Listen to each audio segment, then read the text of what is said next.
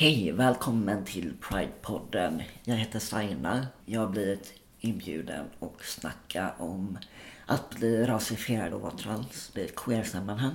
Och det är någonting jag funderat på ganska mycket de senaste åren om att bli rasifierad. Det känns som att eh, den diskussionen kom igång för kanske fem år sedan. Kanske lite mer. Men att det har tagit tid i Sverige. Det har varit mer aktuellt i USA att man pratar om ras och rasism för att de har en annan historia med slavhandeln. Eh, och att svarta eh, varit väldigt aktiva i sin kamp. Egentligen varit eh, normbrytande när det gäller att föra antirasistisk kamp. Jag kände mig obekväm i queera och transsammanhang. Kände att det var någonting som skavde. Och att de flesta i rummet, de flesta var vita såklart, det kändes som att de kunde connecta med varandra när det gällde trans och köns eh, identiteter och upplevelser. Att det kändes som att de kunde slappna av. Och det unnar jag dem. Men jag kände att jag inte kunde slappna av på samma sätt för att det var någonting som skavde. Och jag funderade på det och det var helt osynligt för mig. Jag kunde inte komma på vad det var. Det var en ganska omedveten känsla. Någonting jag inte grubblade på. Och sedan läste jag väl någon artikel eller såg eller hörde någonting om ordet rasifierad. Jag visste inte vad det var. Och så fick jag reda på att det betyder att människor runt den läste den som icke-vit icke-västerländsk och att det med rasifieringen kommer ett stort paket med fördomar, stereotypiseringar och rasism. Och förväntningar också på hur man ska vara. Det var en aha-upplevelse att eh, upptäcka det ordet. Det förklarade så mycket mer än bara ordet rasism. Det förklarade hur rasism kan ske på individnivå på ett ganska lite mer konkret sätt än att bara säga rasism. Och det känns som att det ordet har snappats upp i många sociala rörelser i Sverige. Men eh, eftersom att jag har hängt i queera sammanhang så tror jag nästan att det ordet dök upp lite snabbare kanske där. För att det är folk som är intresserade av eh, olika diskrimineringsgrunder.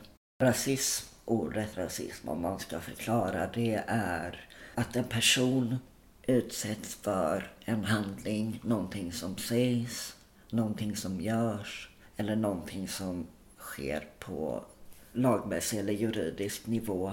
Och detta görande utgås från att personen inte anses vara vit eller inte är vit eller inte har ursprung i väst.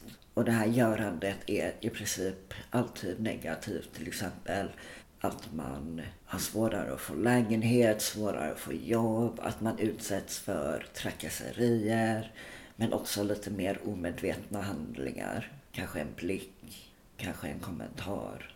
Och det är väl rasism, om jag ska förklara det på det sättet. Och ja, som jag sa, att rasifiering förklarar rasism på ett lite bättre sätt. Om man är mer intresserad av hur det sker lite mer konkret. Att rasifiering skiljer sig från rasism tror jag genom att man pratar om hur rasism görs istället för vad rasism är. Att man förklarar mer varför någon utsätts för rasism. Ja, men det är för att du kanske inte är vit eller att du har på dig kläder som inte läses som västerländskt. Du kanske är muslim, etc. etc. Rasifiering utgår från eh, när rasideologin eh, blev väldigt populär där i slutet av 1800-talet och början av 1900-talet. För ras är en social konstruktion. Det finns biologiskt sett inga mänskliga raser. Rasifiering utgår från det här rastänket att man delar upp människor från olika världsdelar och utseenden i små fack och sedan utifrån det lägger på olika egenskaper och personlighetstyper på olika raser. Också förväntningar på dem och intelligensnivå till exempel. Men också även värderar utifrån vilken människotyp som är mest utvecklad och då placerade man vita västerländska personer högst upp på den här stegen. Eh, och de ansågs mest värda, mest utvecklade medan de som hamnade längst ner var mörkare och mörkare, mörkare och svarta. Det var väldigt mycket utifrån eh, att svarta enligt eh, rasideologin värderades lägst. Och rasifiering utgår från det för att rasifiering är en handling i ord eller icke-ord eller görande som utgår från den här rasistiska historien kring uppdelningen av människor. Jag eh, har väl typ hela livet alltid i tredje person sett mig själv som pojke slash kille. Och det var väl egentligen efter gymnasiet som jag bara insåg att shit, folk har ju läst mig som tjej. De har kollat på mitt utseende och placerat mig i kategorin tjej med alla de förväntningar det innebär. Och fick en kris, fick lite av en chock, hamnade i ett djupdepp. För att jag gick musik på gymnasiet och jag trodde for real att folk såg mig typ som en sån här kille med lockigt, slafsigt hår, typ Kurt Cobain. Jag trodde verkligen att folk såg mig så. Och sedan insåg jag att nej, men de har ju läst mig som tjej och dessutom icke-vit. Och jag bara okej, okay, jag har aldrig liksom uppnått den här vita grunge-normen. Och det var definitivt en kris i livet när jag insåg detta. Jag kände mig väldigt nedslagen och bara, okej, okay, jag kommer inte kunna göra de här grejerna. Och sedan så började mina kompisar använda könsneutralt pronomen för att jag tänkte att jag kände mig mer bekväm i den identiteten. Och när jag upptäckte ordet queer, typ, när kan det ha varit? 2005 kanske? När det var ganska nytt i Sverige. Och det var väldigt bekvämt och väldigt frigörande begrepp. Och efter gymnasiet, som sagt, om jag ska gå tillbaka dit. Jag hade den här krisen över hur andra hade sett mig, att de hade läst mig som tjej. Så kom jag ut också lite senare, ett par år senare, som att nej men jag ser mig själv som kille, man och att jag har gjort det i princip hela mitt liv. Och då började vänner och partners säga han. Och sen fick jag ännu en livskris och så började jag transutredningen och började med test och sen. Och för att koppla tillbaka till rasism så märkte jag hur rasismen eh, förändrades. För nu samverkar trans och rasism ganska mycket i det jag berättar nu. Att rasismen mot mig när jag började läsa som en mellanösternman liksom. Väldigt annorlunda från att vara innan att Jaha, och nej, du är eh, tjej från Iran, får du gå på disco? Att det var den typen av rasismen och fördomarna. Typ är din pappa elak? Den typen av rasism också så här typ, ja, iranier har så stora näsor, de är så håriga typ.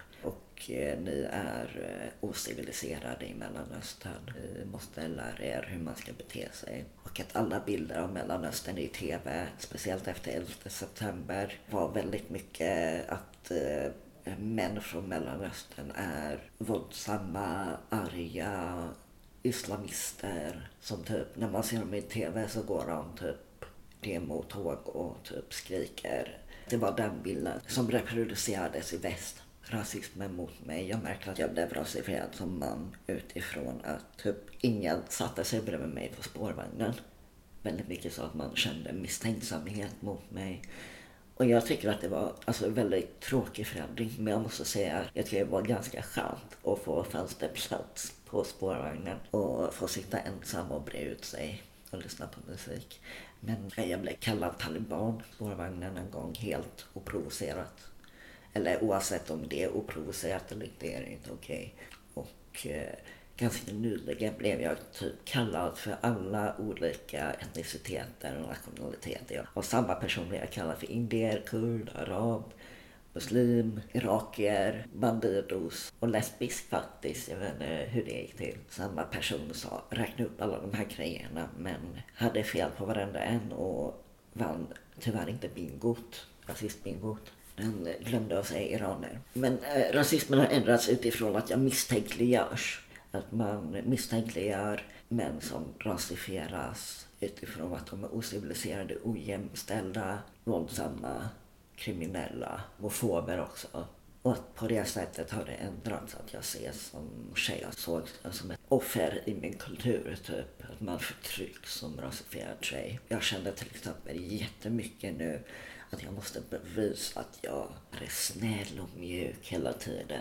Nämna att jag är feminist, nämna att jag inte är sexist. Alltså hela tiden försöka motbevisa stereotypen mot mig. Och det tar väldigt mycket energi. Det sker undermedvetet.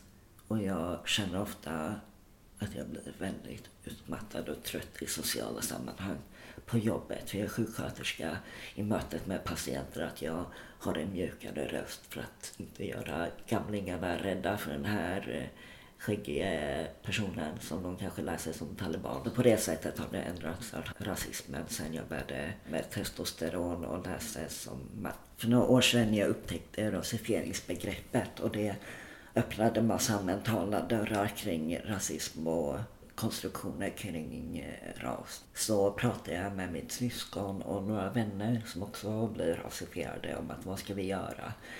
Och så startade vi upp någonting som vi kallar för Intersectional People of Color, IPOC. Och när vi startade upp det har vi skrivit lite artiklar. Vi har varit med i intervjuer, pratat om att bli rasifierad i olika sociala rörelser. Till exempel hbtq och feminism. Prata om rasismen i de rummen. Prata om problematiska och eventuellt rasistiska sammanhang, till exempel på Pride eller West Pride. Eh, men också kring vilka hbtq-personer som får synas i media, men också synas i våra olika sociala politiska rörelser. Det är ofta vita ansikten.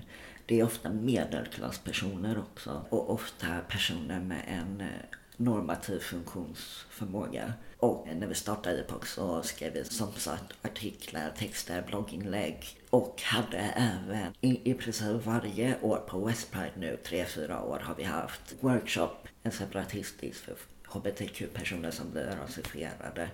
Och förra året hade vi tema dating. Så här svårigheter att bli rasifierad i dejtingsammanhang i hbtq-rörelser. Och så luftade vi olika jävla rasistiska upplevelser i dejtingsammanhang.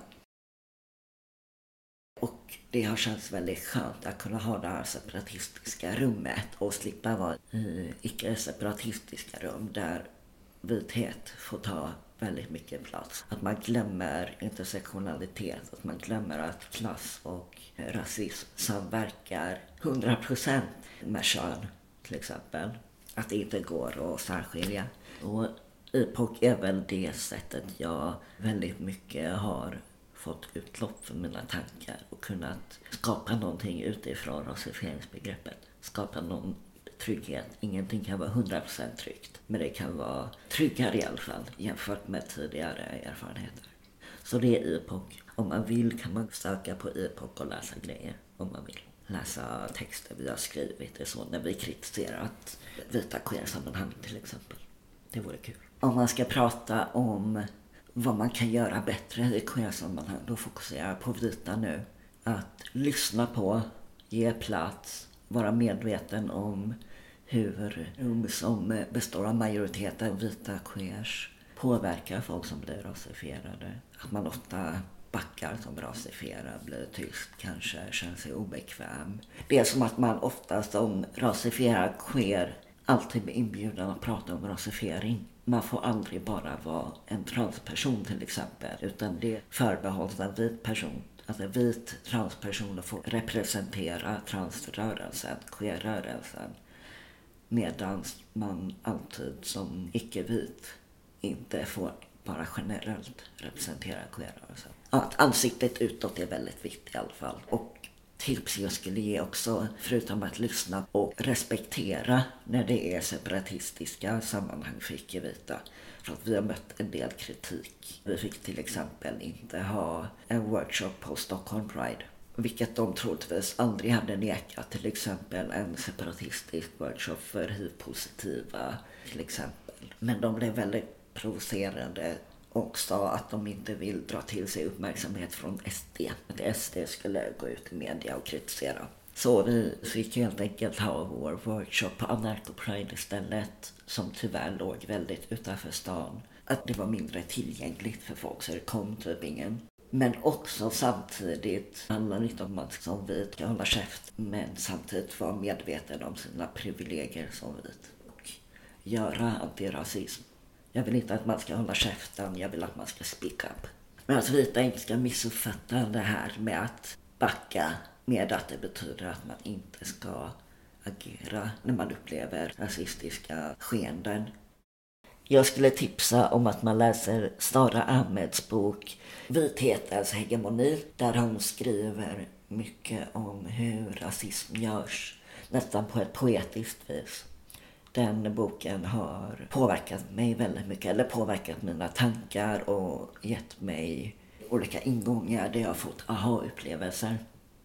Så läs den, speciellt om du blir rasifierad och är intresserad av hur rasism görs. Speciellt i sociala rörelser. Jag skulle tipsa om att gå in på min Instagram. Den heter bajs understreck before understreck guys. Där skriver jag, har jag skrivit väldigt mycket politiska texter om att scrolla tillbaks, om att vara trans, om att bli rasifierad och jättemycket, alltså framförallt kritik har jag skrivit. Försökt formulera mig någorlunda. Men jättetacksam över att jag fick vara med i Pride-podden. Askul.